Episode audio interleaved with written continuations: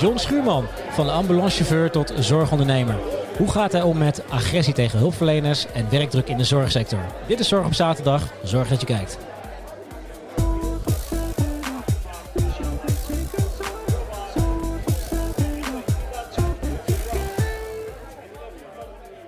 John, welkom.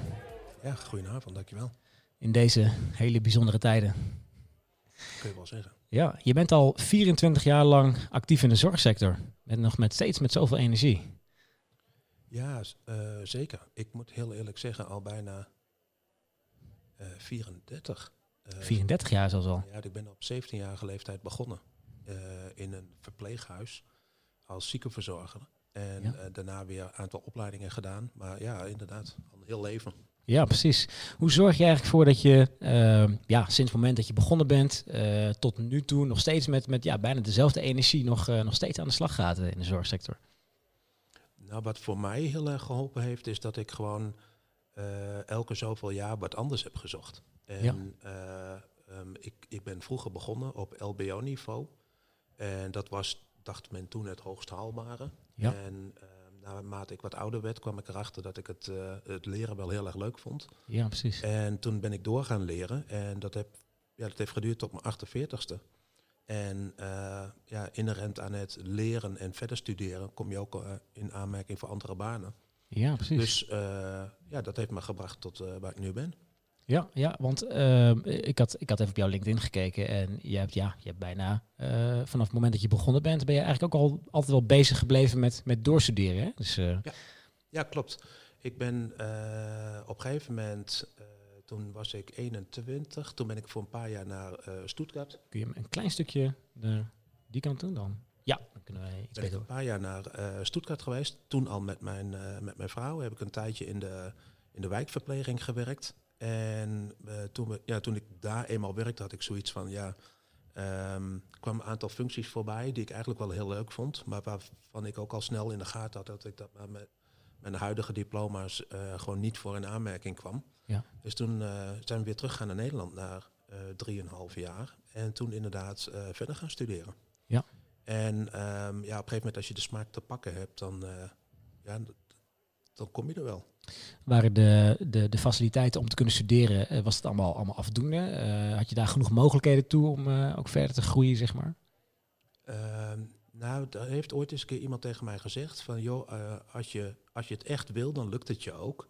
Ja. En ja, dat is ook wel gebleken. Um, je moet zelf de mogelijkheden vinden, zoeken en vinden.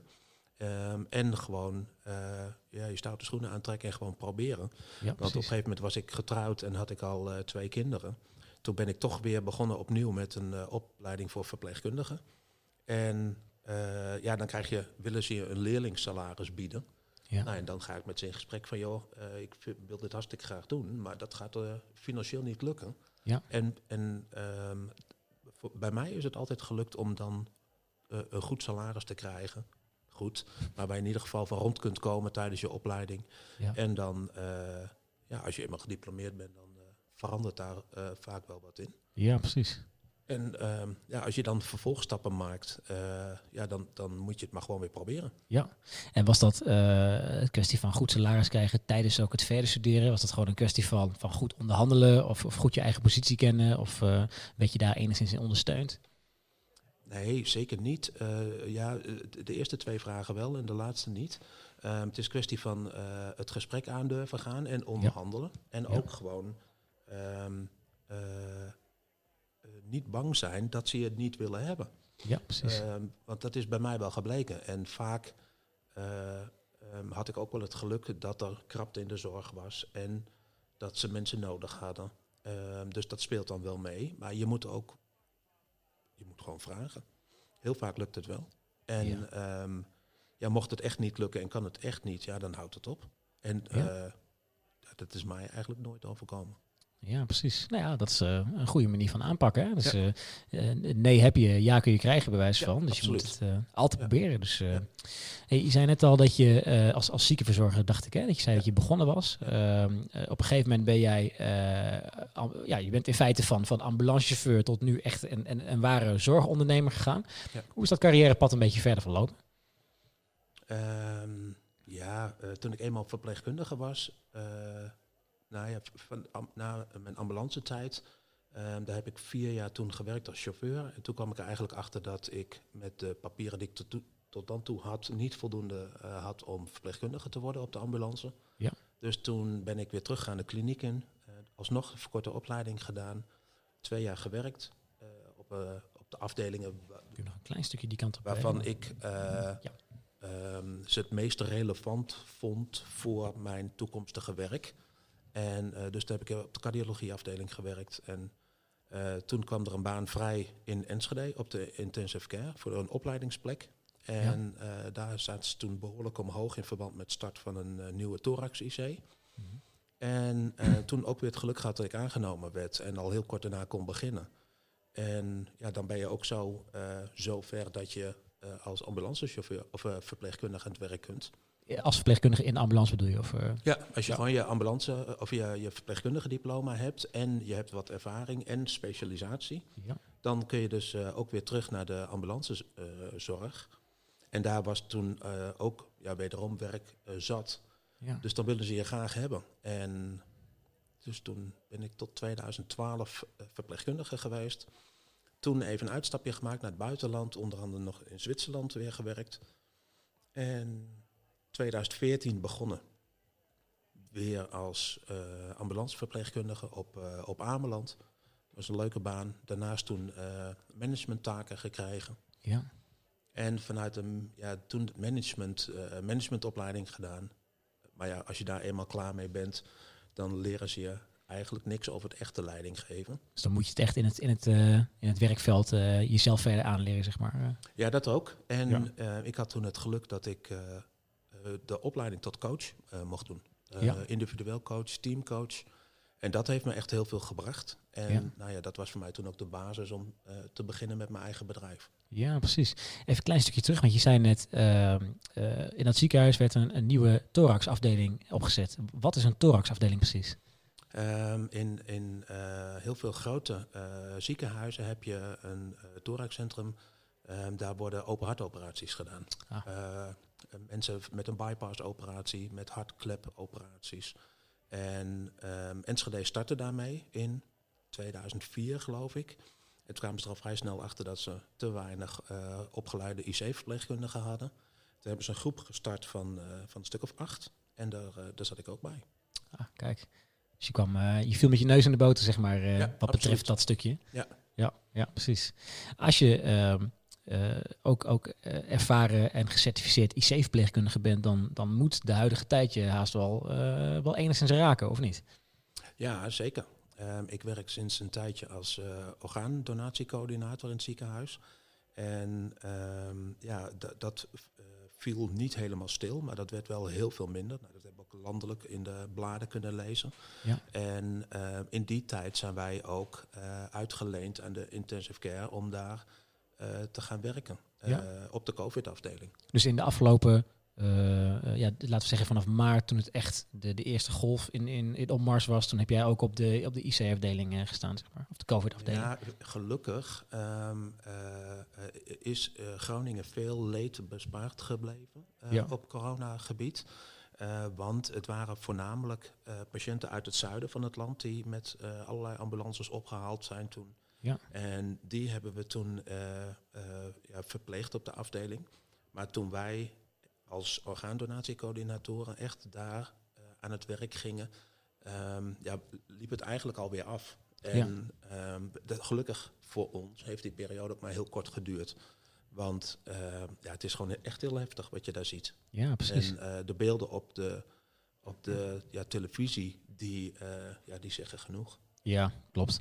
Ook wat betreft transport, ik heb die uh, de, de, de IC-bus heb ik al een paar keer voorbij zien komen. Die, uh, volgens mij is dat, is dat eigendom van, van, ja, van UMCG, volgens mij. Die zag ik wel rijden. Het ziet er best wel imposant uit als je zo'n ding ziet rijden. Ja, die, die bus die is ooit door de samenwerkende ambulance diensten uit Noord-Nederland, Groningen, Friesland, Drenthe aangeschaft. En die, um, ja, die wordt bij grote calamiteiten ingezet, omdat ja. uh, zeker in Noord-Nederland de afstand tot ziekenhuizen uh, erg ver is. En dan kun je op het moment dat die bus er is al zeg maar echt goede zorg verlenen in een overdekte ruimte die warm is. En daar kun je echt dan behandeling beginnen. Ja. En die bus die, ja, die stond gewoon in Eelde volgens mij. En die hebben ze toen ingezet inderdaad om dus zes of zeven patiënten in één keer op te halen vanuit het zuiden. Oh, die werden allemaal tegelijkertijd in één keer vervoerd, zeg maar. Ja, er zitten zes volwaardige uh, plekken, veilige, volwaardige plekken in die bus. En die, er werden zes patiënten in één keer opgehaald. Ja. En die zijn dan met artsen en verpleegkundigen mee, onder begeleiding volgens mij van, van politie. En toen ja, één keer met pech langs de kant van de weg gestaan, geloof ik. ja, klopt. Ja. Ja, maar ja, supergoed initiatief voor de opgeschaalde zorg natuurlijk in Noord-Nederland. Zeker. Maar ook super inventief om dat nu in te zetten in of toen in te zetten in uh, het vervoer van die uh, COVID-patiënten. Ja, precies. Ze werden toch iets beter verdeeld over Nederland ook. Hè? Want volgens mij lag de, de brandhaard was echt in, in, in Breda, volgens mij in het Amphia ziekenhuis, hè, waar de, de, de grote stroom was. Het zuiden, met name Limburg, Brabant, maar ook later wel Rotterdam, Zeeland, dat, die hele hoek. Ja, ja. precies. Ja. Jij hebt uh, best wel veel gedaan in jouw uh, zorgcarrière tot nu toe. Hè, van uh, ziekenverzorgende tot verpleegkundige, verpleegkundige, verpleegkundige op de ambulance, ambulancechauffeur. Dan maak je wel behoorlijk wat mee waarschijnlijk. Ja, dat klopt. Wat, wat, wat, wat zijn van, zo, wel eens van die dingen die, die, die je meemaakt? Als bijvoorbeeld, laat, we bijvoorbeeld ambulancechauffeur. Wat, wat, wat zijn bijvoorbeeld dingen waar je tegenaan loopt in dat, in dat vakgebied? Nou, in mijn tijd als ambulancechauffeur, dan heb ik het echt uh, op het moment dat ik daarmee begon, dat was 25 jaar geleden, um, had je eigenlijk geen agressie uh, tegen ambulance-medewerkers. Ja. Um, toen werd de ambulance, voor mijn gevoel, ook nog ingezet waarvoor die bedoeld was. En um, wat ik in vergelijking met nu heel erg, uh, wat me nu heel erg tegenvalt, is dat hij eigenlijk voor het minst of geringste ingezet wordt. Als iemand belt, dan kies je kiest de meldkamer een ingangsprotocol. En um, ja, dan heel vaak wordt er een ambulance gestuurd, terwijl je, uh, um, als je het echt helemaal goed uit zou kunnen vragen en de tijd neemt, uh, uh, kom je helemaal niet uit bij een ambulance. En um, zou je ook bijvoorbeeld iemand naar de huisartsenpost kunnen laten gaan of met, een, ja, weet ik veel, met een taxi op laten halen om naar het ziekenhuis te gaan. Maar daar heb je niet per se ambulances voor nodig. en als je kijkt hoeveel tekorten er nu al zijn, dan uh, ja, je rijdt je helemaal suf. Zeker in de grote stad. Van, van rit naar rit. En aan het eind van de dag heb je van de tien ritten... heb je misschien maar vier patiënten vervoerd als je geluk hebt. Wauw. Zo. En daar ben je dan heel erg druk mee. Dus je zou uh, in, in een bepaald opzicht zou je kunnen zeggen dat uh, de, de, de, de manier waarop uh, een ambulance ingezet wordt, dat ook bijdraagt aan tekorten die op dit moment een beetje gaande zijn. Ja, dat, ja, dat vind ik eigenlijk wel. Want ik, ik, ik ben heel erg voorstander van functiedifferentiatie. En dat gebeurt ook wel hoor, op het moment. En uh, dat er een besteld vervoerambulance is naast het uh, Advanced Life Support vervoer. En die scheiding hebben ze al heel erg gemaakt. Maar um, ja, um, wat, ik, wat mij heel erg opvalt is dat bij de meldkamer heel veel ritten uh, alsnog heel veel aanvragen gehonoreerd worden. Terwijl achteraf blijkt, en dat is natuurlijk makkelijk zeggen achteraf, maar dat, er, dat het helemaal geen ambulancezorg waardig was. Ja. Um, uh, huisartsenpraktijken die gesloten zijn, mensen die geen telefoonnummer kunnen vinden van de, van de dokterswacht. De dokterswacht zegt van, joh, is het heel dringend, dan bel 112. Ja. Um, voor mensen die weinig ellende meemaken, is al heel snel een melding of iets wat gebeurt uh, heel urgent. Ja, dus die mensen gaan gelijk 112 bellen. Ja, ja. ja ik zag, uh, als ik het goed heb gezien, dat jij uh, ook aan de andere kant van het land hebt gezeten, volgens mij. Hè? Toen je begon als ambulancechauffeur. Heb je daar veel uh, diversiteit tussen gemerkt met hoe het werken daar is en, en een beetje meer in, in, in een beetje noordelijke regio, zeg maar? Ja, het hele grote verschil is um, dat waar ze in, vind ik, en dat blijkt ook wel uit de periode dat ik als ZZP'er gewerkt heb in Amsterdam, Rotterdam, Den Haag, uh, de Flevopolder. Dat als je het hebt in, over het werken daar en het werken hier, bijvoorbeeld in Oost-Groningen of, ook in Friesland, ja. dat ze uh, hier veel en veel later bellen. En op het moment zou ik bijna zeggen dat de patiënt al bijna overleden is. Oh, echt? En ehm, ja, heel veel mensen hebben nog zoiets van, ja, de, de dokter die, die bellen we pas op maandag. En dan ergens in het weekend gaat het mis en dan moet er alsnog een ambulance komen. Ja. Maar ja, hier in, in Groningen, zeker Noordoost-Groningen zouden ze best wat vaker mogen bellen. Of wat eerder. Het is echt een beetje de, de, de nuchtere Noorderling, zeg maar, die dan lang veel, wachten. Ja, veel oude mensen die zoiets hebben van ja, de dokter die, die, die, die is altijd al onderweg en we willen hem niet voor niks bellen. En dan lopen ze een heel weekend met een infarct rond. Of wat. Oef, zo. Ja. Dat is nogal wat. En, en als je dan gebeld wordt en je komt er dan, is het dan nog wel goed te doen? Of wordt, worden dan veel grotere, zijn er dan veel grotere ingrepen nodig voor zo'n persoon? Nou, vaak uh, als, als we het hebben bijvoorbeeld over iemand met hartklachten. Um, als je daar op tijd bij bent, kun je vaak uh, iemand bepaalde medicijnen al geven terwijl je daar uh, ter plaatse bent. En uh, je kunt een goede vooraankondiging doen naar het ziekenhuis. Ja. Maar um, ja, loopt iemand daarmee door en komt hij echt in de problemen, bijvoorbeeld door uh, reanimatie behoeftig te worden, ja. dan is de, uit, de uitkomst vaak slecht. Ja, precies. Ja, en ja, dat, dat is gewoon te voorkomen. Ja. Gewoon met bepaalde klachten gewoon te, op tijd te bellen en aan de bel te trekken. Ja, ja. Het stukje uh, agressie tegen zorgverleners. Hè. Ik heb heel vaak in de media het voorbij zien komen allerlei campagnes van sieren. Hè, van van hè, jongens, denk erom, denk erover na, mensen komen om je te helpen. in, in, in, ik, ja, ik begrijp het persoonlijk nooit. Ehm, tenminste, hè, agressie tegen zorgverleners. Maar in, in wat voor soort situaties gebeurt dat eigenlijk?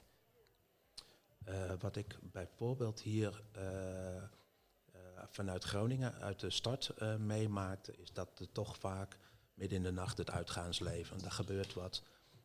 Daar is ruzie, er wordt gestoken, er wordt geslagen. en en ja, vaak leidt dat tot ernstige situaties, waarbij dus een hele hoop mensen er omheen staan, die vinden, vaak vinden dat ze te lang moeten wachten op een ambulance. Ja. En ik heb het zelf meegemaakt dat we echt na vier, vijf minuten al te plaatsen waren. Dat je dan zo agressief bejegend wordt. Ja. En ik denk ook gedeeltelijk dat het te wijten is aan de ja, hoeveelheid drank die uh, men genuttigd heeft. Of uh, bijvoorbeeld uh, drugs of wat ook wat erbij hoort tegenwoordig. En um, dat, dat neemt alle remmen soms weg. En um, ja, in de tijd dat wij hier in Groningen echt werkten, waren we ook extreem blij met de politie die gewoon de hele nacht uh, in de binnenstad liep. Ja. Uh, die je al heel laagdrempelig kon uh, mee laten rijden. En dan hopen dat, je, dat zij de boel onder controle konden houden. Ja, ja. ja ik, ik heb in het verleden zelf ook heel vaak gestapt in Groningen, zeg maar. En het, als, ik, als ik bijvoorbeeld 2008, 2009, toen het allemaal een beetje begon voor mij, hier in Groningen tenminste, en het vergelijk met 2014, 15, 16. Oh, dat is wel een flink verschil in uh, hoeveel politie er op straat staat. Ja. Maar dat is dus wel met uh, onder andere deze reden, zeg maar. Uh. Ja, dat denk ik zeer zeker. Want um, jij, ze hebben speciale horecadiensten hier in Groningen. En um, ja, ze zijn eigenlijk overal, of ze fietsen, of ze rijden op paarden, of ze lopen rond. En bijvoorbeeld ook de samenwerking tussen de uitsmijters en de politie. Ze hebben een speciale horeca uh, telefoonnummer die ze kunnen bellen. En de politie is er echt in de mum van tijd. Ja. En uh, ja, dat is echt een uitkomst vaak. Ja, Zeker precies. als het uh, vier, vijf uur in de ochtend wordt. Ja. En wanneer de serieuze ellende begint, dan is het fijn als zij erbij zijn. Als je ehm, op zo'n situatie, of als je opgeroepen wordt om naar zo'n situatie te komen en je bent je al een beetje aan het indenken van, oké, okay, er is een vechtpartij geweest of, of een steekpartij en de, de emoties lopen hoog op. Uh, en je komt in zo'n situatie terecht waarin er agressie naar zorgverleners of naar jezelf uh, gedaan wordt. Wat, wat, wat, wat gaat er in je om zo'n moment? Uh, ja, ten, ten eerste uh, is het allerbelangrijkste wat wij aangeleerd hebben vanaf het moment dat je eigenlijk op de ambulance begint, is gewoon eigen veiligheid eerst. Ja. Dus als de politie de omgeving niet vrijgeeft, als je weet dat de politie er is tenminste, dan gaan wij er gewoon helemaal niet heen. Ja. Eerst geeft de politie zijn veilig, zeker als er bijvoorbeeld een steekpartij is geweest of erger een schietpartij. Het kan altijd zijn dat de dader daar nog rondloopt. Dus dan uh, sowieso blijft de ambulance op ruime afstand wachten. Als de uh, politie uh, zijn veilig heeft, dan komen wij pas. En dan is vaak de, de angel er wel uit. Ja. Maar het kan ook zijn dat je ergens geroepen wordt waar, waar dus geen politie of wat ook maar is. Ja, dan moet je toch echt, als je het niet vertrouwt, voor het uitstappen, gewoon doorrijden, eerst de politie laten komen. Maar met alle consequenties van dien. Want ja, uh, ja dat, daar vinden mensen ook wel wat van als je door zou rijden.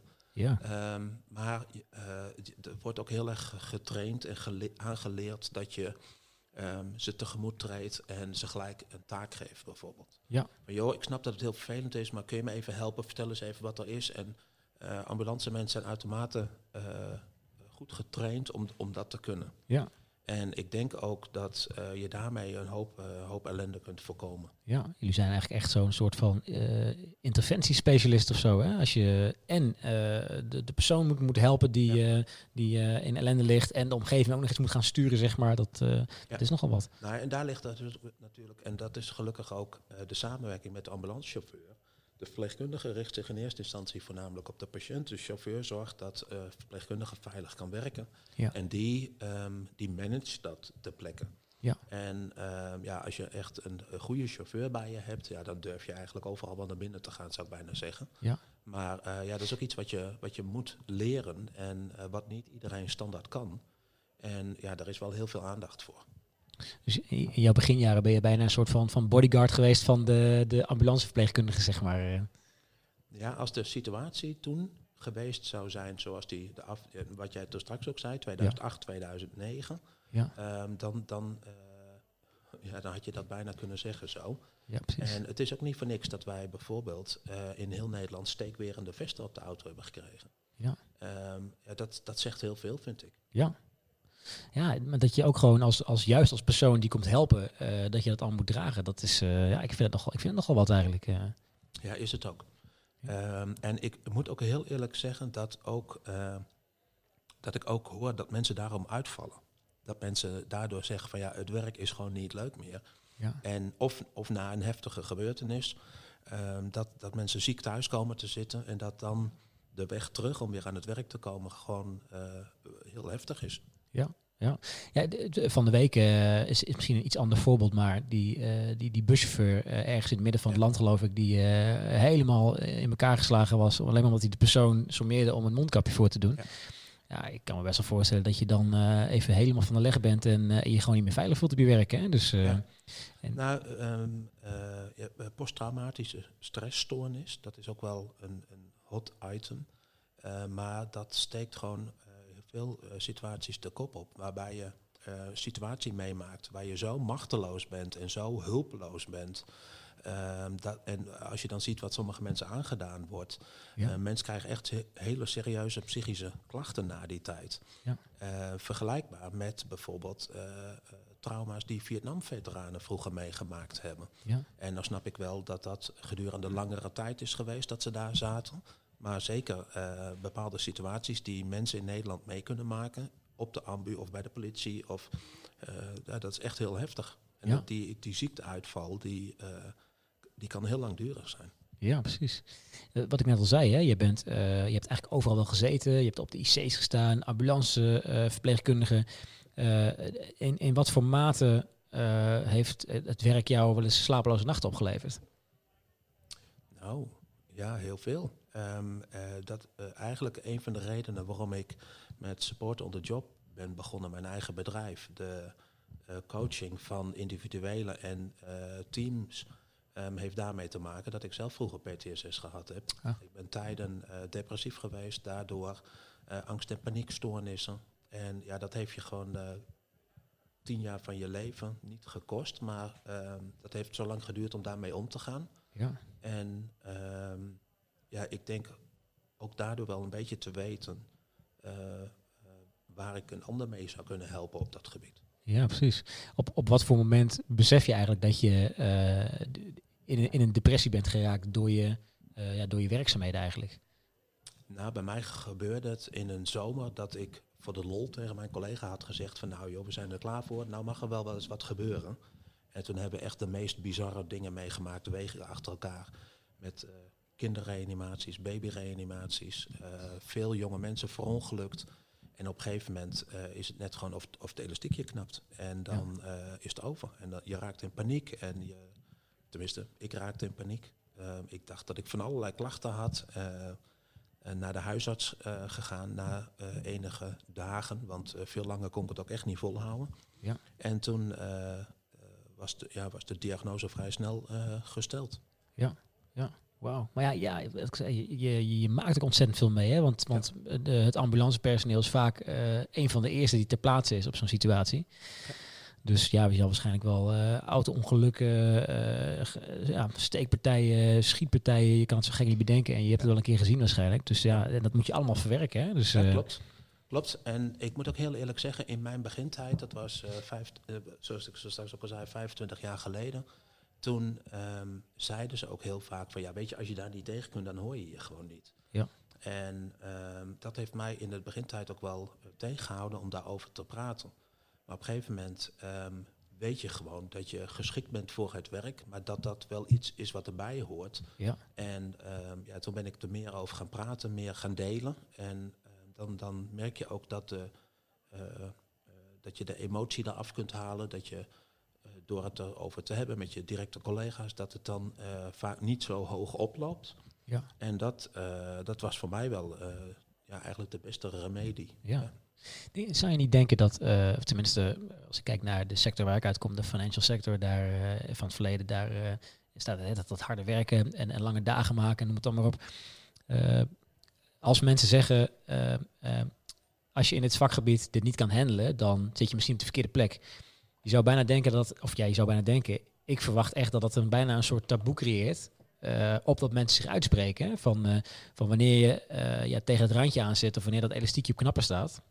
als, je, als je omgeving alleen maar zegt, ja, maar dan pas je je misschien niet. Ja. Dat betekent dat je eigenlijk ook direct alles in één keer kwijt bent. Dus, dus je zou denken dat mensen daarom veel minder en minder snel zullen aangeven wanneer ze op het randje zitten. Ja, dat is ook zo. En um, er werd vroeger helemaal niet gesproken uh, over, tenminste eh, in het team waar ik zat. Hè. Ik weet niet of dat uh, voor heel Nederland toen de tijd gold, maar um, daar werd gewoon niet over gesproken. En um, ja, dus vallen mensen ook uh, om onverklaarbare reden uit. Ja. ik heb meegemaakt dat collega's bijvoorbeeld pijn op de borst kregen, hartklachten kregen en gewoon drie, vier maanden thuis waren en op een gegeven moment waren ze gewoon weg. Ja. Um, en ja, dat, wat ik me toen ook wel geleerd heb, aangeleerd heb. Als een overleden bedoel je? Of, uh... Nee, nee, nee, maar weg oh. bij de ambulance. Oh, zo omdat ze het gewoon ja. uh, afgekeurd waren, ziek thuis zaten, niet meer terug konden komen. En um, dat is toch ook wel iets wat ook nu nog speelt. Ik heb een tijdje geleden contact gehad voor mijn eigen bedrijf met iemand die ik heel erg waardeer van vroeger. Gevraagd of die mee wou doen met mijn bedrijf. En te, die zei ook heel eerlijk van, joh, ik ben nu anderhalf jaar met pensioen. Ik heb zo erg uh, moeten worstelen om alles achter mij te laten. Ik heb geen zin om dat allemaal weer opnieuw te moeten gaan meemaken. Bij ja. bijvoorbeeld het coachen van, uh, van cliënten. Ja. En uh, dus ik denk zeker dat, uh, ja, dat er veel mensen zijn met trauma's, met gebeurtenissen die ze nog heel ja, recent op het netvlies staan, die, die ook nog wel opkomen. Ik ben ook in, bij een ambulance dienst waar ik toen werkte lid geweest van een bedrijfsopvangteam. En dan bel je ze naar aanleiding van een bepaalde situatie. Ja. En dan binnen twee minuten gaat het over een situatie van veel eerder. Dus dat geeft vaak ook wel aan uh, hoe hoog die dingen nog zitten. Ja, precies. Ja, ja. Je bent uh, op een gegeven moment uh, toch weer een beetje meer in het ziekenhuis gaan werken waarschijnlijk. Hè? Als, als verpleegkundige, als IC-verpleegkundige, als, als cardi cardiologieverpleegkundige geloof ik. Hè? Als je dat vergelijkt met het zijn van ambulanceverpleegkundige, was dat dan op een manier een stuk relaxter en een stuk rustiger. En dat je veel minder met, ook met die agressie richting zorgverleners te maken had? Of, of gaf dat ook weer echt extreme situaties? Uh, ik ben, eens even kijken, zeg maar na een aantal jaren als chauffeur werkzaam geweest zijn, het ziekenhuis ingegaan en daar uh, zeg maar de vervolgopleidingen gedaan. En daar heb ik eigenlijk ja, behoudens een paar situaties van uh, familie die heel emotioneel reageerde op een bepaalde behandeling die niet aansloeg of uh, de, het gesprek dat uh, de, de patiënt zou komen te overlijden, dat er uh, geen behandeling meer mogelijk was, dat ja. mensen op een bijzondere manier kunnen reageren. Maar ja, de meeste agressie die ik meegemaakt heb, was toch gewoon in de tijd ambulanceverpleegkundig. Ja, ja, je zou bijna kunnen zeggen dat door wat je allemaal in de ambulance tijd hebt meegemaakt, dat ja, uh, mensen die emotioneel raken, wat natuurlijk begrijpelijk is, uh, dat dat eigenlijk uh, makkelijk te handelen zou moeten zijn hè, voor, voor iemand met de ervaring die jij dan zou hebben, zeg maar. Ja, dat is zo. Maar um, het is wel de, de kunst om je aan te leren daar goed mee om te gaan. Als jij als je dat niet lukt, dan, dan krijgt het je een keer te pakken, denk ik. Dan heb je een keer een periode dat je, dat je emmer overloopt en dat je gewoon ziek thuis komt te zitten. Ja, ja, precies. Als je terugkijkt, hè, John, van al je ervaringen, wat is het meeste bijgebleven? Ja, vuurwerkramp Enschede. Daar ben ik een paar dagen geweest. Ehm, ik was thuis, zaterdagmiddag was het, uur of één, twee. We zouden met vrienden gaan barbecuen, dus ik had net boodschappen gedaan. Ja. Ik kreeg een telefoontje van de meldkamer van, uh, joh, we hebben extra auto's nodig. er is een Enschede wat aan de hand, wat precies kun je inspringen? Dus toen ben ik op mijn fietsje naar de ambulance dienst gegaan. Heb ik mijn, de ambulance opgehaald, collega opgehaald.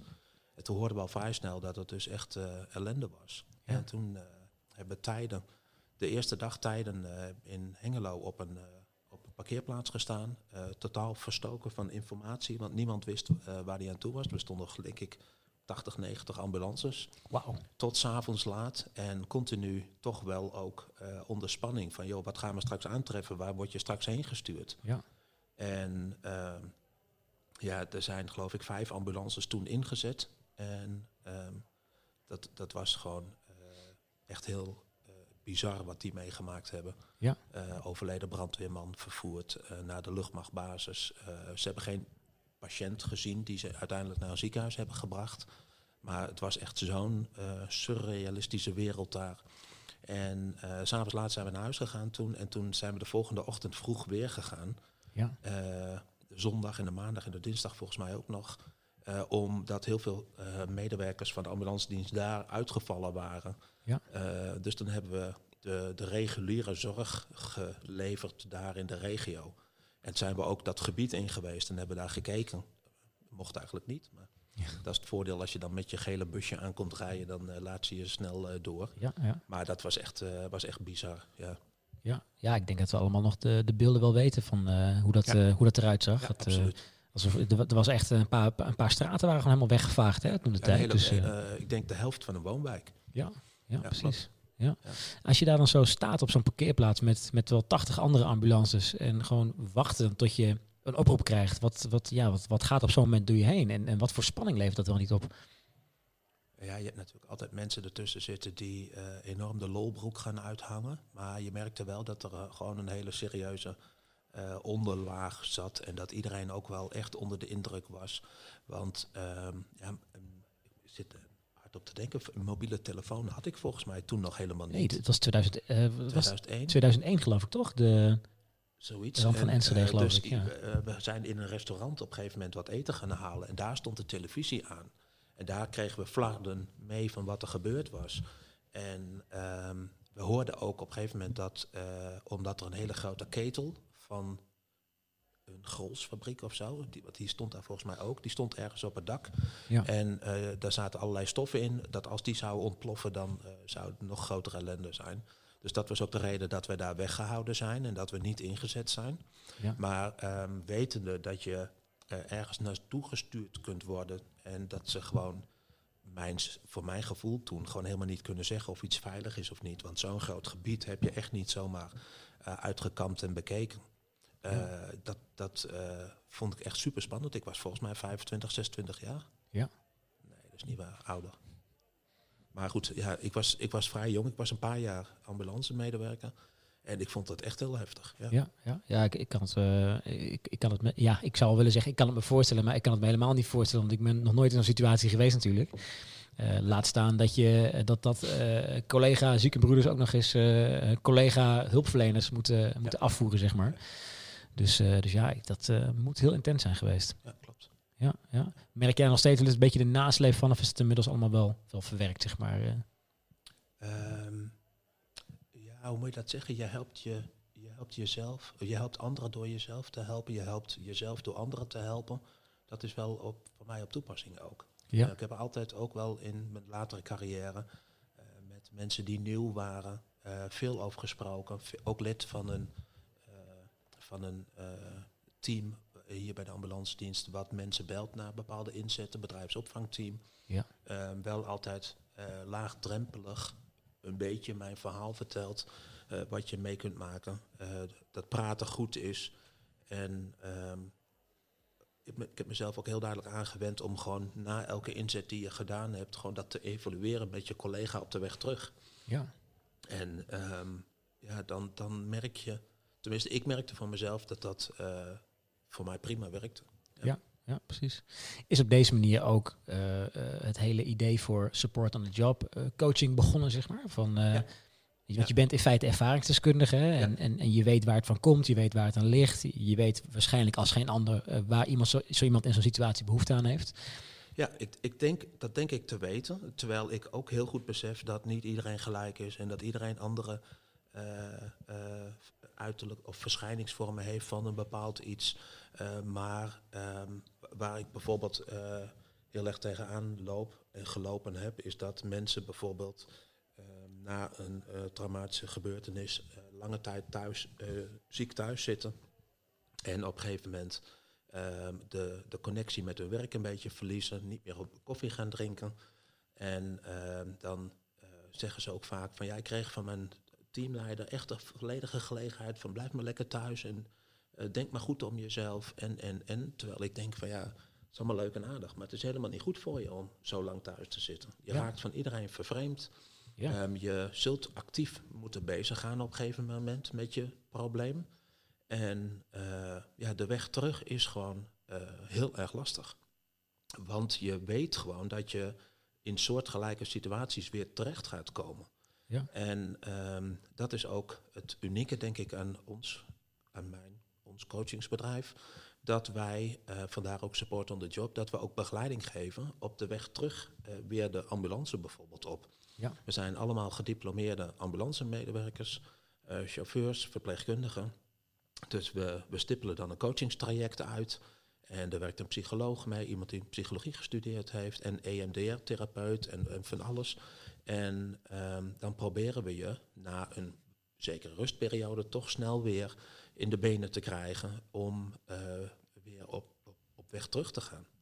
Ja. En dat zijn echt niet allemaal mensen die PTSS hebben of wat ook hoor, maar het zijn ook Mensen die gewoon uh, een burn-out hebben of andere klachten. Um, want het is ook, uh, in dit werk weet je gewoon dat je op een gegeven moment zul je weer de auto op moeten en zul je weer ritten moeten gaan doen. En op het moment dat jij een bepaalde rit uitvoert, kun je niet zeggen, als je ergens komt en je krijgt bijvoorbeeld een paniekaanval van joh, ik trek me even terug en ik smeer hem. Nee. Um, want dan zul je moeten. Ja. En um, ja, exposure, uh, door je bloot te stellen aan die, uh, uh, aan die, aan die situaties, kun je dus zorgen dat je het er sneller mee om kunt gaan. Maar als je dat op een, niet op een goede manier doet, zou het je ook weer verder terug kunnen werpen. En wij rijden bijvoorbeeld een dag mee met iemand um, om te kijken van hoe gaat het, valt het mee en desnoods vaker. En um, ja, om te zorgen dat het echt goed gaat. En ook om te zorgen dat als het niet goed gaat, dat we het over kunnen nemen. Ja, dat je op een gegeven moment uh, uh, ja, ervoor zorgt dat iemand gewoon goed in zijn vel zit. Dat je hem door de dag heen coacht. En uh, dat je ook doordat, je, doordat hij merkt dat het goed is gegaan, dat de, de spanning afneemt. En zo weer mensen terug krijgen. Ja, ja, precies. Even voor mijn beeldvorming. Hè. Tenminste, ik weet niet of het je misschien lukt om dat, dat te omschrijven, maar Um, als je in een situatie komt dat je in één keer een, een paniekaanval krijgt, wat, wat, wat maak je dan eigenlijk mee? Of, of wat voel je dan? Ja, um, bij mij was het echt dat je, je, je, je, je, ja, je hebt dat uh, freeze en flight en fight. En ja, ja, klopt. Ik bevroor echt, ik ging kwam echt stil te staan. En je, um, ik nam heel erg uh, temperatuur in me op. Ik uh, begon te zweten, ik had het koud. Je krijgt uh, trillingen overal in je lijf, je hart gaat tekeer. Um, en, en je bent zo van slag dat je gewoon helemaal uh, de, de van af bent, maar waar, waar je mee bezig was. Ja. Ik had ook de, moeite, de, de drang om gewoon weg te lopen, om even een moment voor mezelf te hebben. En ja, de eerste paniekaanval die ik had was tijdens een situatie waarbij een moeder uh, na haar werk s'avonds naar huis gereden was. Die was verongelukt met de auto. Die was onder het dak van de, de auto lag op de kop en zij lag onder het dak. En wij waren daarmee bezig. En op het moment dacht vader met de kinderen: Goh, wat duurt het lang voordat mama thuis komt? En terwijl wij daarmee bezig waren, kwam die vader met die kinderen kwamen daar ter plekke. En nou ja, dat gegil en de stank van de brandweerauto's en de geluiden, echt, ik kan het zo nog weer oproepen, zeg maar. Ja, ja precies. En ehm, ja, dat is echt, uh, dat is me altijd, dat is me zo bijgebleven. Dat, uh, ja, dat vergeet je ook nooit weer. Alleen is nu de, uh, ja, de spanning eraf. De, ik, kan er gewoon, ik ben er later nog vaak langs gereden met de auto, ook nog om te kijken. Eens even stil te staan daar en eens nog eens een keer weer te beleven wat er nou precies gebeurd is. En dat heeft mij heel erg geholpen. Ja, ja. Hoe, hoe, lang is dat geleden dat, dat dat gebeurd was? Dat je ook die eerste keer die paniekaanval uh, kreeg? 23 jaar. Ja. Wauw. Ja. En het heeft eigenlijk wel ook wel zo lang geduurd om daar ook helemaal goed overheen te komen? Of, uh... Uh, nee, dat niet. Ik denk een jaar of negen, tien. Ehm, voordat ik er echt goed mee om kon gaan. Uh, op een gegeven moment, um, als je weer fit bent na je eerste periode dat je eruit bent geweest, of fit, dat je weer aan het werk kunt, dan komt ook wel het besef dat uh, je niet ongeschikt bent voor het werk. Ja. Dat uh, de situatie die je overkomt, dat dat de oorzaak is van jouw ziekte, verzuim, uitval. Ja. En niet dat dit is omdat jij tekort schiet. Dus nee. ik, ik heb de, zeker de ambulancezorg altijd prachtig mooi beroep gevonden. En vandaar dat ik er ook altijd in uh, werkzaam gebleven ben. Uh, maar ja, dat heeft wel uh, consequentie gehad dat ik wel altijd met mezelf aan het vechten was. Ja. Ja, in, je werkt in een bepaalde regio, je maakt daar heel veel mee. Dus elke boom, elk groot kruispunt, elke plek bij een spoorwegovergang, um, daar hebben zich mensen voor de trein gegooid. Dat, dat weet je gewoon allemaal nog. Als ik nu door die regio rij, dan, dan, dan weet ik dat gewoon allemaal nog. Ja. Dus dat is, uh, maar net wat ik zeg, vroeger um, uh, blokkeerde ik dan, dan kwam ik stil te staan en dan dacht ik van nou, dit gaat helemaal niet goed. En nu kan ik er gewoon heen, kan ik het gewoon benoemen en daar zijn en um, ook trots zijn op mezelf dat ik uh, de weg terug weer ge gevonden ja, heb. zeker. maar ja, dat was wel een, een hele heftige periode. Ja. Wisten mensen in jouw omgeving ook eigenlijk al wat jij dagelijks doormaakte. Uh, want, want, je zegt van nou, bijna elk kruispunt, elke lantaarnpaal, elke boom, zeg maar, daar, ja, daar, daar is wel een keer iets gebeurd. Wisten mensen dat wel, van wat jij dagelijks doormaakt? Ja, mijn vrouw zorgde er wel voor dat iedereen het wist. Mijn vrouw die was al uh, altijd al een echte prater. Ik had zoiets van, ah, dat hoeft niet iedereen te weten. Ja. Uh, maar zij deed dat wel. En achteraf is dat ook wel de, de, mijn redding geweest om dat ook te gaan doen. Ja. ja, ja. Maar goed, op mijn werk toen wist niemand het. Wel dat ik een tijdje ziek was en dat het niet zo goed met me ging. Maar ja, uh, daar werd niet over gesproken. Nee. En dat is toen ook wel de reden geweest dat ik na vier jaar daar weggegaan ben. En gedacht heb van oké, okay, um, ik ga wat anders doen. Terug het ziekenhuis in, opleiding voor verpleegkundigen. En uh, toen weer verder. Uh, want ik had daar nooit willen blijven werken. Nee, nee, nee kan me wel voorstellen, ja. Um, als je, uh, so, soms hoor je wel eens dat mensen die heel lang heel erg intensief werk doen of heel erg intens werk doen, dat je op een gegeven moment afstomt voor het werk. Maar als ik jou zo hoor praten, dan is dat niet nee, echt het geval. Uh. Nee, helemaal niet juist. Uh, weet je, want um, ik, ik heb wel eens gezegd, als ik een dag met tegenzin naar mijn werk ga, dan, dan stop ik ermee. Ja. De patiënt verdient dat niet, de familie verdient dat niet, je collega verdient dat zeker niet met wie je de hele dag op pad bent. Dus um, uh, nee, je moet gewoon, en dat, dat, vind, dat vind ik eigenlijk wel voor iedereen gelden hoor, je moet gewoon niet uh, met tegenzin naar je werk gaan. Nee, nee precies. Uh, dan zoek dan wat anders waar je weer nieuwe uitdagingen in vindt. Ja. ja, net wat ik zeg, stel je voor dat je dus bij een patiënt komt die gewoon dood en doodziek is. En jij komt daar met je ongeïnteresseerde kop, terwijl je het allemaal niet zo interessant vindt en je eigenlijk wel graag naar huis wil, want je dienst zit er bijna op. Ja. Uh, ja, dat, dat gaat niet werken. Nee. nee. nee. Tenminste, voor mij niet. Nee, nee, kan ik me voorstellen inderdaad. Uh, nee. hoe, is, uh, hoe ben je op een gegeven moment op het idee gekomen van support on the job? Want er is volgens mij twee jaar geleden ben jij zorgondernemer geworden. Ja. wat, wat heeft daar überhaupt aan ten grondslag gelegen eigenlijk? Ehm, twee jaar geleden heb ik afscheid genomen van het ambulancebedrijf waar ik toen werkte. En ehm, toen ben ik ZZP'er geworden. En ehm, toen ja, ik had al langer de wens om uh, mee te gaan beginnen. En toen was ik bijna klaar uh, met het eerste gedeelte van die coachingsopleiding. En toen dacht ik van ja, weet je, um, als ik het nu wil, dan kan ik het gewoon nu gaan doen. Ik kan gewoon flexibel uh, als ZZP'er gaan werken. En de tijd die ik over heb, kan ik steken in het opzetten van een, van een eigen bedrijf.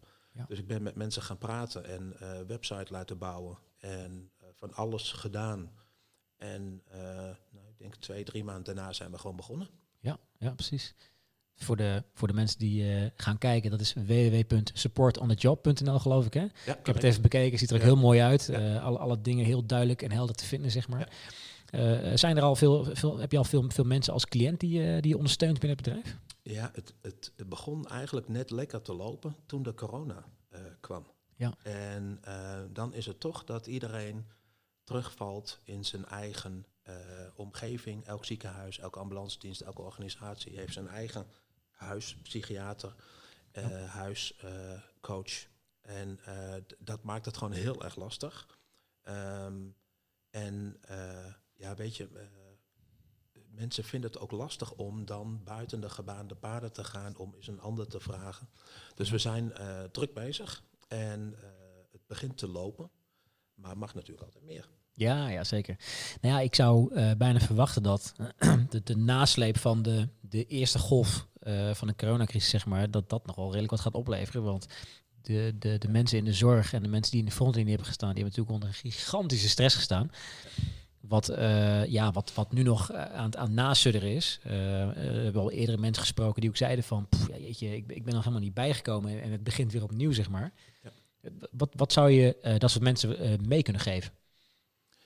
Nou ja, um, kijk, dat iedereen heeft het nu over de corona en de uh, daarmee samenhangende uh, hoge werkdruk enzovoort enzovoort. Maar die hoge werkdruk was er voor de corona ook al. Ja. Zeker bij ambulance diensten. Um, eigenlijk door heel Nederland uh, hoog opgeleid personeel, zeker in de zorg, mensen met uh, intensive care uh, diploma, ambulance diploma, zijn gewoon moeilijk te krijgen. Er is jaren op de zorg bezuinigd, waardoor er minimaal aantal mensen werken. En um, doordat de werkdruk gewoon heel hoog is en wat je meemaakt, en het, dat is op een gegeven moment een opeenstapeling, is ook het ziekteverzuim heel hoog. Um, en toen kwam ook nog eens de corona eroverheen, waarbij mensen echt gewoon uh, heel veel tandjes bij hebben moeten zetten. Mensen die normaal uh, 20, 24 uur per week werken, die gewoon hun contract opgeplust is naar 30, 32, 34 uur. Um, daar kon ook niet over gesproken worden. Um, partners met kinderen thuis die en dat was gewoon echt uh, giga veel ellende naast het werk. Ja. Nou ja, en dan zit je gewoon, uh, sommige ziekenhuizen draaiden 12 uursdiensten, en meerdere achter elkaar op de intensive care. Ja, en dan is het ziekteverzuim echt heel, uh, heel snel heel hoog geworden. Ja, ja. Als, ook als ervaren IC-verpleegkundige uh, wat, wat zou je denken dat, dat zo'n situatie met een IC-verpleegkundige doet? Als je, tenminste, we weten allemaal nog de cijfers hè, van het in uh, maart, april, mei, dat dagelijks honderden mensen uh, overleden, zeg maar, die op de IC lagen. je bent natuurlijk intrinsiek gemotiveerd om iedereen in leven te houden, om complexe zorg te leveren. En dat je dan in plaats van met z'n tweeën één persoon zorg levert, hadden ze volgens mij op de piekpunt één persoon vier patiënten die ze moesten helpen. En dat tegelijkertijd ook uh, aan de lopende band uh, mensen afgevoerd worden naar het mortuarium. Wat, wat, wat, wat zou je denken dat dat voor mentale spanning meebrengt voor, uh, voor, de, voor mensen die op de IC werken? Ja, het, is, het is bijna als vechten tegen de bierkaai. en dan moet ik heel eerlijk zeggen dat ons hier in het noorden van het land echt heel veel ellende bespaard is gebleven. Wij hebben de corona-patiënten over kunnen nemen vanuit het zuiden. Uh, nadat er alles gewoon uh, geregeld was. Er waren genoeg bedden, er waren genoeg machines, er was genoeg personeel. Uh, ik heb uh, eigenlijk heel veel meer te doen met alle mensen die in het zuiden werkten en die gewoon ja. compleet overvallen werden door zoveel mensen die zo ernstig ziek waren, zo snel ook ziek waren en die gewoon continu achter de feiten aanliepen en gewoon echt de beelden ook die je zag bijvoorbeeld van Italië ja. Mensen met de groeven van de maskers in hun gezicht en dat soort dingen. Ja, uh, ik denk dat dat gewoon. Uh, doordat je, net wat je zegt, je intrinsieke motivatie, je weet gewoon wat je doen moet, je, je verzorgt en verpleegt de mensen, je bent heel erg druk. Um, ik denk dat het uh, voor heel veel mensen een kwestie van overleven is geweest. Um, omdat je hard werkt, je gaat, je hijst je in zo'n pak, je kleed je helemaal om. Je blijft op zo'n afdeling een aantal uren. Je gaat even er weer uit. Je drinkt een bak koffie en na tien minuten ben je weer terug. Ja. Um, en je werkt gewoon 8, 10, 12 uur achter elkaar door. en je ziet zeg maar al die ellende om je heen. En um, nou zijn natuurlijk de IC-verpleegkundigen in Nederland gewoon heel veel gewend. Die uh, maken veel mee. Maar wat hier ook bij kwam, was dat je ook uh, je, je eigen gevoel in de zin van je ziet iemand daar alleen liggen, er mag geen familie bij. Je weet gewoon op een gegeven moment dat het, uh, als het slechter gaat met een patiënt, dat ook jouw taak als IC-verpleegkundige ligt bij het begeleiden van de familie.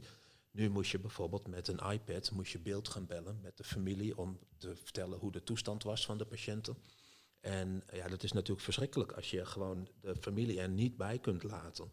Of maar hooguit maar één iemand. En um, dat merk ik wel, dat vonden heel veel mensen echt heel erg. Omdat iedereen kan zich voorstellen als zijn eigen vader of moeder of wie dan ook daar ligt. Ja. Dus dat, uh, dat heel erg. Ja, ja, dat geeft toch echt al hele, hele ingewikkelde situaties inderdaad. Ja, en mentaal heel zwaar lijkt me. Dus uh, ja, klopt. Uh, jouw traject als, uh, als coach, hè? hoe, hoe gaat zo'n traject in zijn werk als, je, als iemand zich bij jou aanmeldt? Ja, wij doen een, een intake. Um, al naar gelang de wens. Um, komt iemand via de werkgever, dan doen we een intake bijvoorbeeld met de werkgever en met de, de coachie. En um, dan gaan we een soort uh, ja, doel. Sorry. Uh, dan gaan we een, uh, een, een, doel stellen. En vanuit dat doel gaan we zeg maar, echt helemaal een individueel plan maken om, om, om aan iemand zijn, zijn vraag te gaan werken. Ja. En um, ja, dat kan eigenlijk van, van alles zijn. gewoon op kantoor, al wandelend. ja, je kunt zo gek niet bedenken. alles is mogelijk. Ja, ja. Gaat dat, uh, ja, dat levert ook hele moeilijke situaties op. Hè? Ook voor jou als, als, als coach zijn, zeg maar, dat je iemand een beetje door het traject heen moet trekken, waarschijnlijk soms. Of, of, of moet het echt een beetje, beetje organisch bewegen? Nou, wat, wat, wat ik vroeger zelf heel erg meegemaakt heb, en dat geldt wederom niet voor iedereen, maar is dat het heel erg fijn is als je met iemand praat die weet waar het over gaat. Ja. Ik heb mijn verhaal toen moeten doen bij een psychologie, psychologe ik denk 24, 25 jaar. Het was een schat van een meid, maar ze wist gewoon niet waar het over ging. Ja. En dan uh, merk je, uh, mist, toen miste ik heel erg de connectie met iemand. Ja. En uh, zeker als mensen weten waar jij, wie je bent, wat je gedaan hebt. het praat makkelijker met iemand die gewoon weet van de hoed en de rand. is net als een IT'er iets uit moet leggen aan mij over hoe een computer werkt. Ja, dat wordt een opgave. Maar ja, je merkt dat je gelijk een, een klik hebt met iemand. En um, dus je, je springt gelijk, je kunt gelijk in het diepe springen, laat ik het zo zeggen. Ja, precies. En um, wat ik heel erg meemaak is dat mensen je uh, vertrouwen. Um, je, ze voelen dat ze in goede handen zijn. En dat, dat maakt echt voor mij een wereld van verschil. En daardoor kunnen we denk ik ook sneller um, die trajecten doen, omdat je gewoon gelijk kunt beginnen. Zonder, je moet wel kennis maken en, en, en. Maar um, je, je, kunt eerder de diepte in, laat ik het zo zeggen. Ja, precies.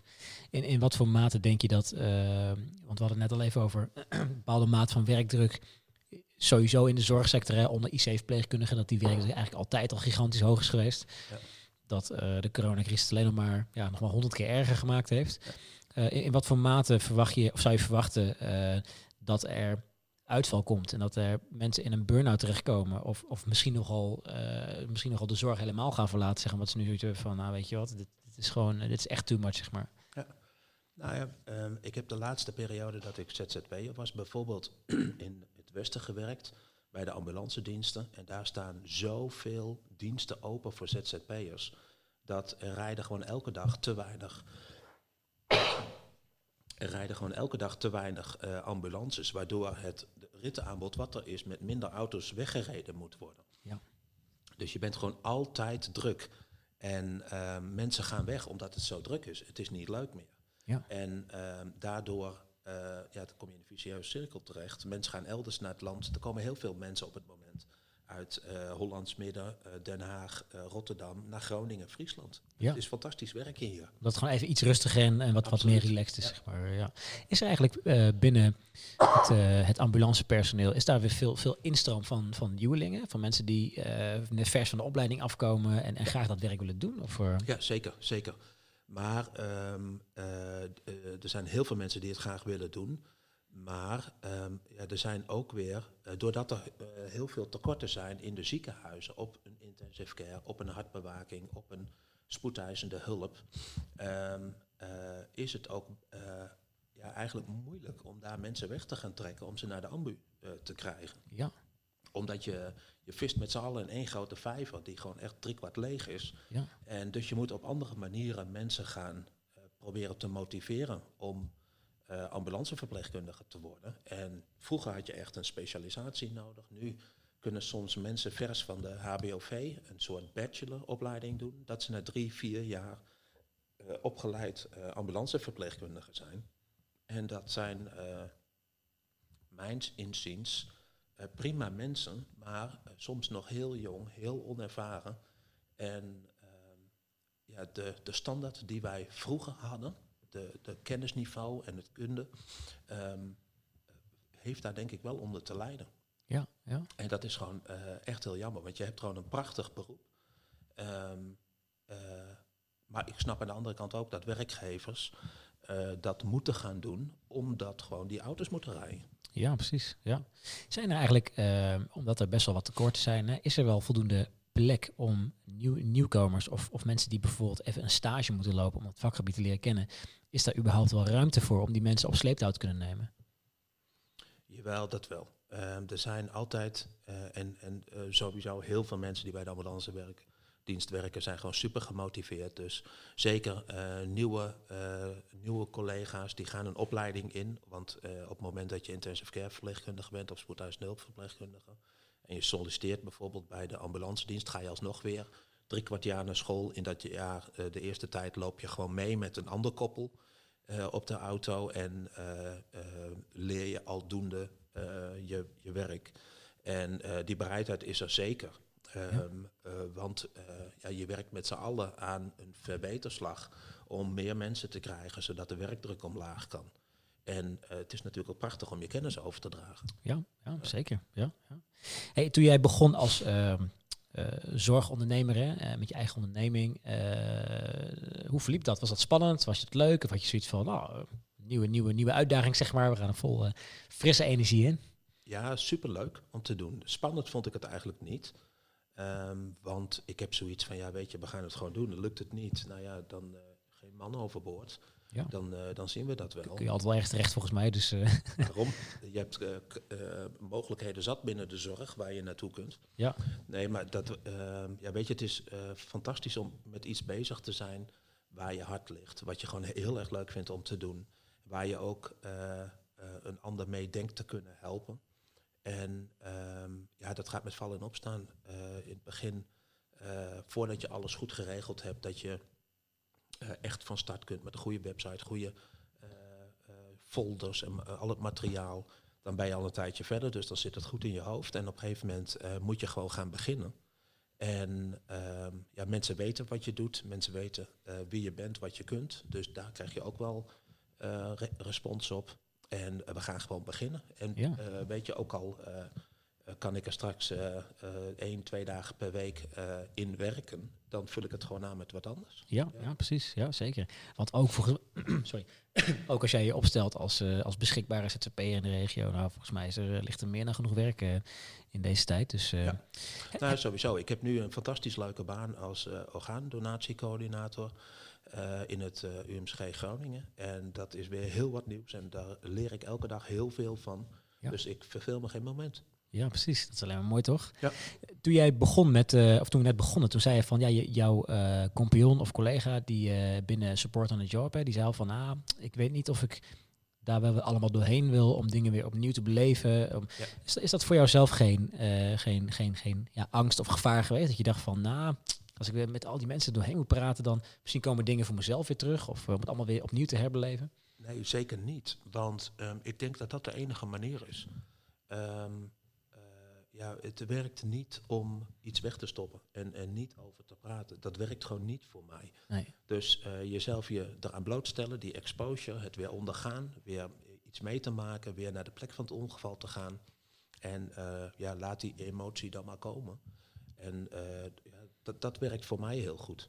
En ehm, nee, ik ben zeker niet iemand die daarvoor weg zou lopen. Maar uh, om dan te zeggen van nou ik ga het maar niet doen, want ik ben bang dat die, dat, dat schuiflaadje weer open gaat. Nee, zeker niet. Ja, precies. Ja. Dus alles is heel goed verwerkt eigenlijk in de afgelopen tijd.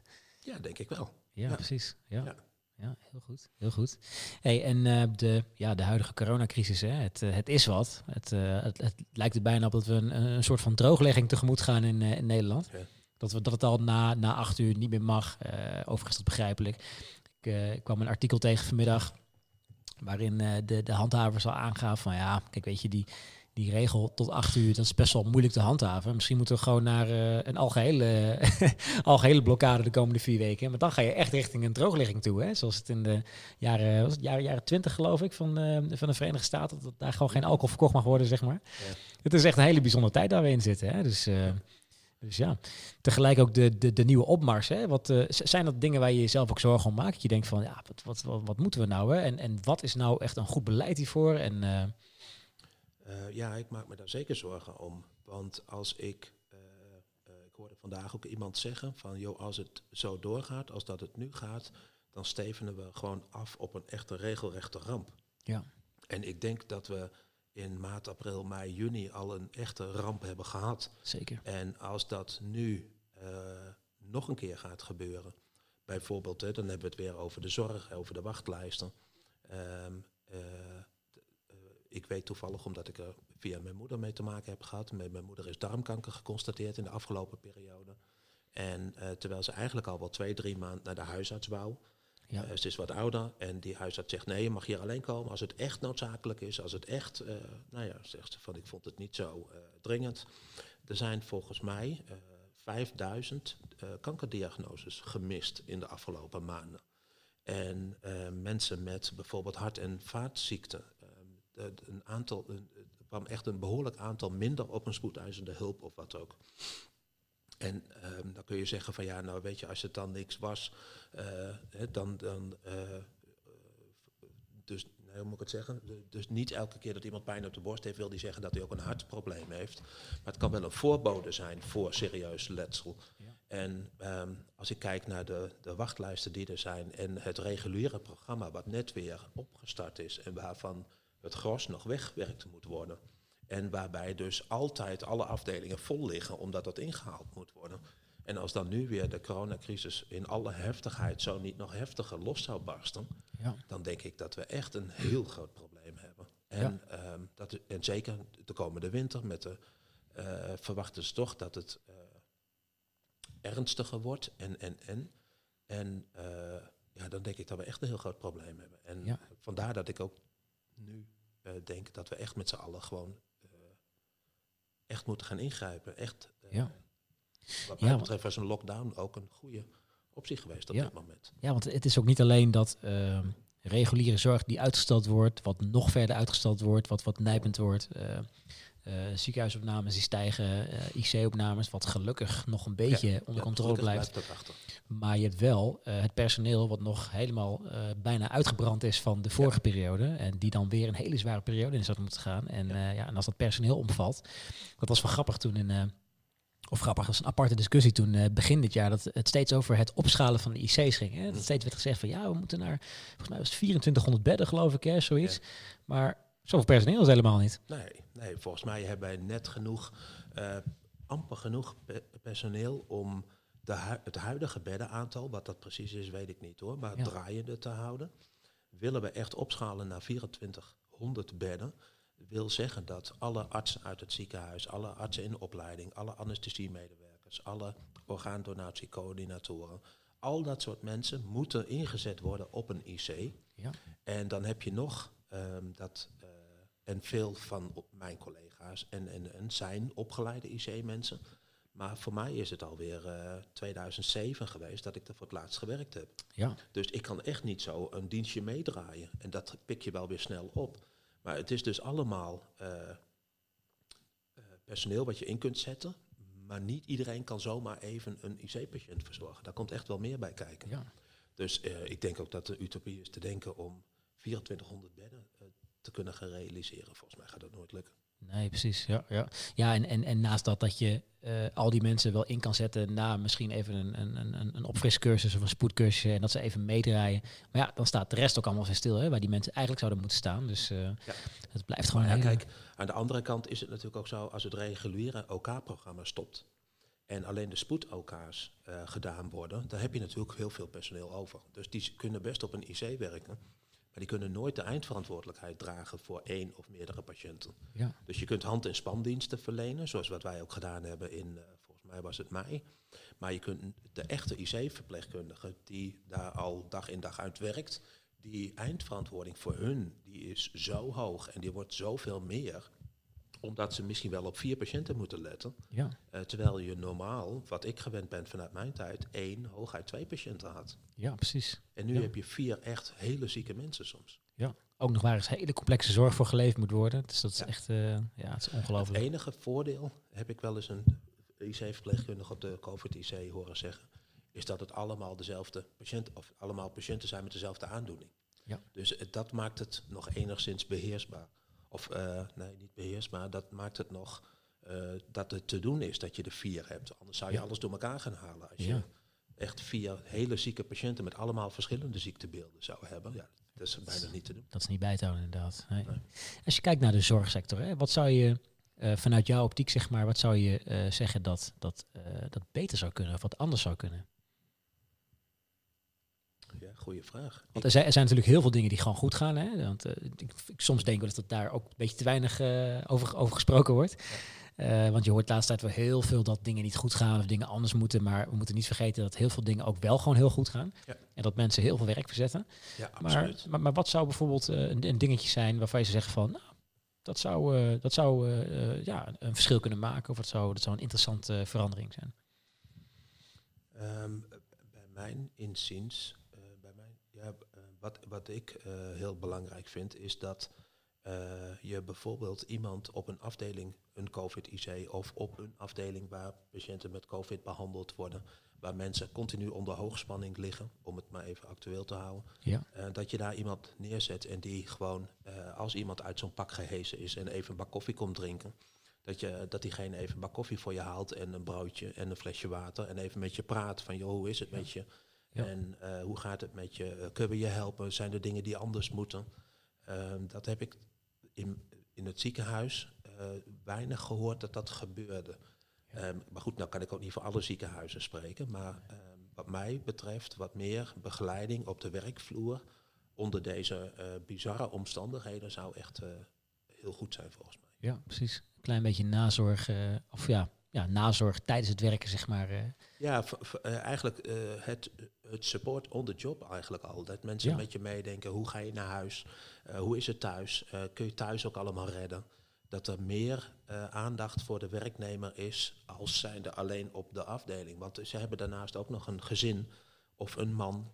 soms, ik heb meegemaakt dat twee een man en een vrouw beide op de intensive care werken. En beide dus uh, 32 uur minimaal moesten werken. Zo. En die kwamen hopeloos in de problemen met hun kinderopvang en kinderen die niet naar school mochten en dat soort dingen. Ja. En daar moet, uh, ja, dat, dat moet je bespreekbaar maken, denk ik. En met die mensen meedenken. En, maar goed, nogmaals, ik weet ook niet precies op lokaal niveau welke dingen daar gedaan, in, in nee, gedaan precies. zijn of wat nee, ook. Nee, nee, inderdaad. Ja, ja. ja, dat zijn uh, hele mooie en uh, ja, ingewikkelde situaties, maar ook al hele mooie situaties. Uh, en ook hele mooie ervaringen die je hebt, hebt doorgemaakt. Ja. Dus, dus ja, we gaan, er, we gaan richting een einde.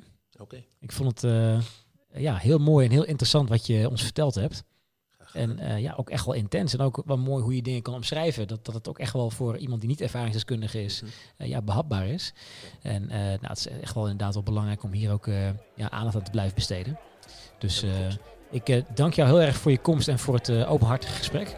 Ja, en veel succes met ja, support on the job ook. Hè. Dus, leuk dat ik mag komen. Ja, dankjewel.